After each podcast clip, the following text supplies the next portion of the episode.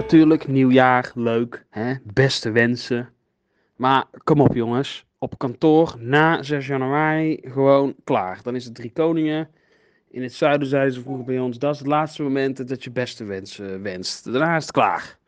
Dus niet allemaal uh, 8 januari na de kerstvakantie op kantoor komen. De beste wensen, beste wensen, want dan ben ik uitgebeste wenst. Weet je wat ik irritant vind? Dat ik af en toe mailtjes en of telefoontjes krijg, helemaal voor werktijd, van collega's van dezelfde organisatie. Die vragen, kan ik zo een meeting met jou inplannen? Dan denk ik, hallo, Outlook, agenda's, die zijn er toch niet voor niks? We werken in dezelfde organisatie, dus die kun jij van mij zien. En ik hou die niet voor niks bij. Kijk gewoon even in mijn agenda als je meeting wil plannen. Oh, en trouwens, uh, voor iedereen de beste wensen. Bij in de wijk zijn er al een aantal huizen versierd uh, in Halloween-stijl. Uh, twee dingen hierover. Eén, het is nu begin oktober. En Halloween is natuurlijk eind oktober. Dus ja, ik vind het een beetje vroeg. En twee, Halloween. Ja, zullen we dat gewoon niet doen? Gewoon, gewoon niet. Ik snap dat we heel veel overnemen uit Amerika. En dat we dat al fijn vinden en zo. En soms ook niet. Maar Halloween, ja, zullen we dat gewoon, gewoon niet doen? Gewoon, nee, niet? Gewoon overslaan? Gewoon niet doen? Nee? Wat ik nooit zo goed heb begrepen, is dat er mensen zijn die uh, iemand feliciteren met iemand anders. Dus bijvoorbeeld gefeliciteerd met je moeder of gefeliciteerd met je zus of gefeliciteerd met de schoonmoeder van jouw achterbuurvrouw. Ja, kijk, dat je mensen feliciteert met hun verjaardag, dat is helemaal logisch en ook hartstikke netjes en dat moet je ook zeker doen. Maar waarom zou je mensen feliciteren met iemand anders? Iets wat ik echt totaal nooit heb begrepen. Tegenwoordig hebben auto's dus allemaal waarschuwingssystemen. Hè? Dat, het, uh, dat je er dichtbij komt en dat je uh, moet opletten. Piep, piep, piep, piep, piep, piep, piep de hele tijd. En waarschuwingslampjes in de spiegels, dat er een auto aankomt. En ik word er helemaal zenuwachtig van. Voor mij wordt het juist onveiliger, omdat ik bloedzenuwachtig word van al dat gepiep en gedoe. En dat ik steeds denk, oh god, dadelijk zit ik tegen een enorme paal aan en dan valt het best wel mee. Dus wat mij betreft stoppen met al die waarschuwingssignalen in auto's. Ik ben dus uh, op zich best wel een uh, behulpzame collega, vind ik zelf. Als een collega mij vraagt uh, of ik ergens bij wil helpen, dan doe ik dat eigenlijk altijd. Maar wat dus echt mega irritant is, is als een collega vraagt: kun je me even helpen bij iets kleins? En dat dan blijkt dat het gewoon takken veel werk is, waar je gewoon nog tot s'avonds laat mee bezig bent.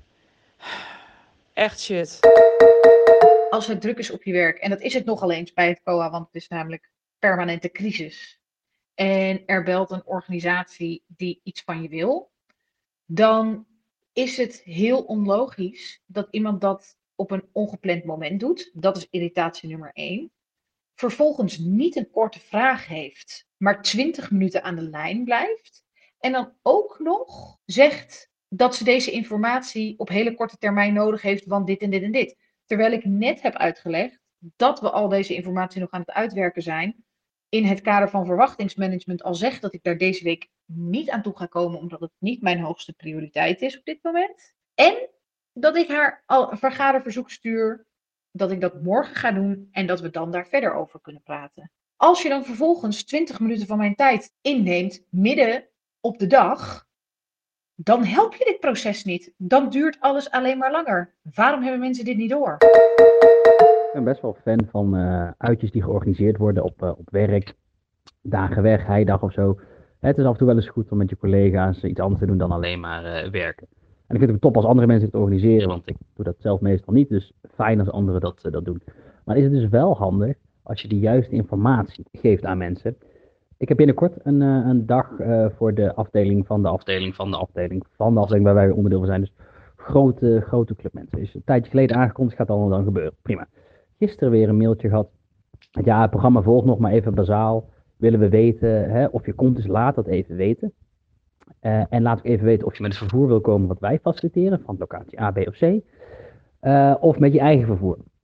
Maar in geen van alle berichtgevingen, zowel de eerste aankondigingen als deze mail, wordt verteld waar het is.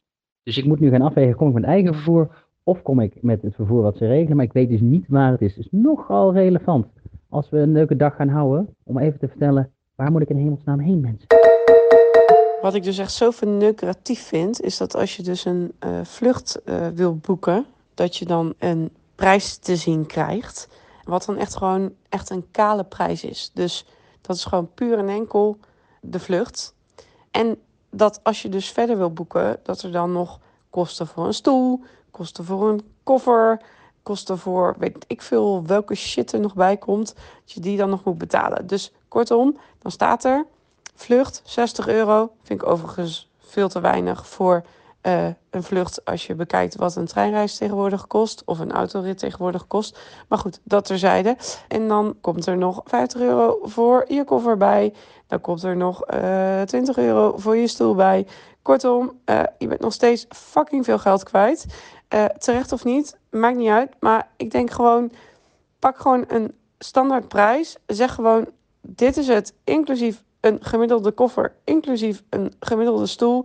En ja, als je extra wil, want je wil bijvoorbeeld eerste klas vliegen of weet ik veel wat, dan moet je extra betalen. Of als je minder wil, dat je dat een soort van kan uitvinken. Maar volgens mij, de gemiddelde Nederlander uh, vliegt uh, als je op vakantie gaat met gewoon een flinke koffer uh, in een normale stoel. En dan wil je gewoon weten waar je aan toe bent.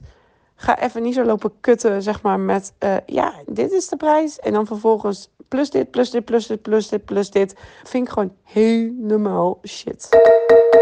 Oké, oké. Dan ook maar meteen even de allergrootste frustratie ever. Smerige koffie op kantoor. Ik word hier zo moedeloos van. Iedereen wil koffie op kantoor. Hoe kan het nou dat in een pand waar duizenden mensen werken, echt de meest smerige bocht aller tijden uit de automaat komt? Doe dit niet. Doe dit niet. Het is zo tandjes demotiverend. Iedere keer denk ik weer: oké, ik heb het nodig. Maaika, zet je er overheen. Tap een bakje en ik, ik flikker het gewoon weg. Het is niet te zuipen. Hoe moeilijk is dit? Voor mensen die fan zijn van uh, onze zijkast, een klein tippie. Ga naar bewonersavonden van gemeenten. Ik kom dus juist van eentje af. Non de duur, wat kunnen die mensen klagen over pietluttige zaken, zeg. Alsjeblieft, hè. dat is wel echt, uh, echt neck level. Echt wel ja, complimenten eigenlijk. Mijn complimenten voor bewonersavonden van gemeenten. Wat daar allemaal op afkomt, het is echt, uh, nou ja, je zou haast denken dat alle wereldproblematiek is opgelost. Want als je daarover kan klagen voor dat soort zaken, poh, dan moet het toch wel heel goed gaan in de wereld. Random mensen in de supermarkt die je niet kent, die zich gaan bemoeien met jouw leven, die uh, moeten echt een tering zijn opkakken, als je het mij vraagt. Uh, er was net een vrouw in de supermarkt, oudere vrouw, ik schat er 50 plus, want uh, ze had het erover dat haar kinderen boven de 20 waren. En die begon met hele lieve complimentjes over mijn kind. Ach, wat leuk, die bosjes op zijn wangen. Nou ja, heel lief, dankjewel. Ja, vind ik ook, hè. en toen begon ze over, ja, en het gaat allemaal zo snel. En uh, uh, ja, je moet echt alle tijd die je hebt uh, aan je kind geven. En uh, ik zei, ja, ja, dat is ook precies de reden waarom ik een extra dag vrij heb genomen. En toen kwam het. Oh, dus je werkt. Ja. Hoeveel dagen dan? Ik zeg, nou, in principe op papier vijf, maar ik heb enig uitschapslof, dus vier. Maar ik heb een extra dagje vrijgenomen. Nou, echt, ze snapte daar helemaal niks van. Want uh, hoe kon ik toch uh, dit soort slechte beslissingen nemen? En ik dacht echt, waar de fuck bemoei jij je mee?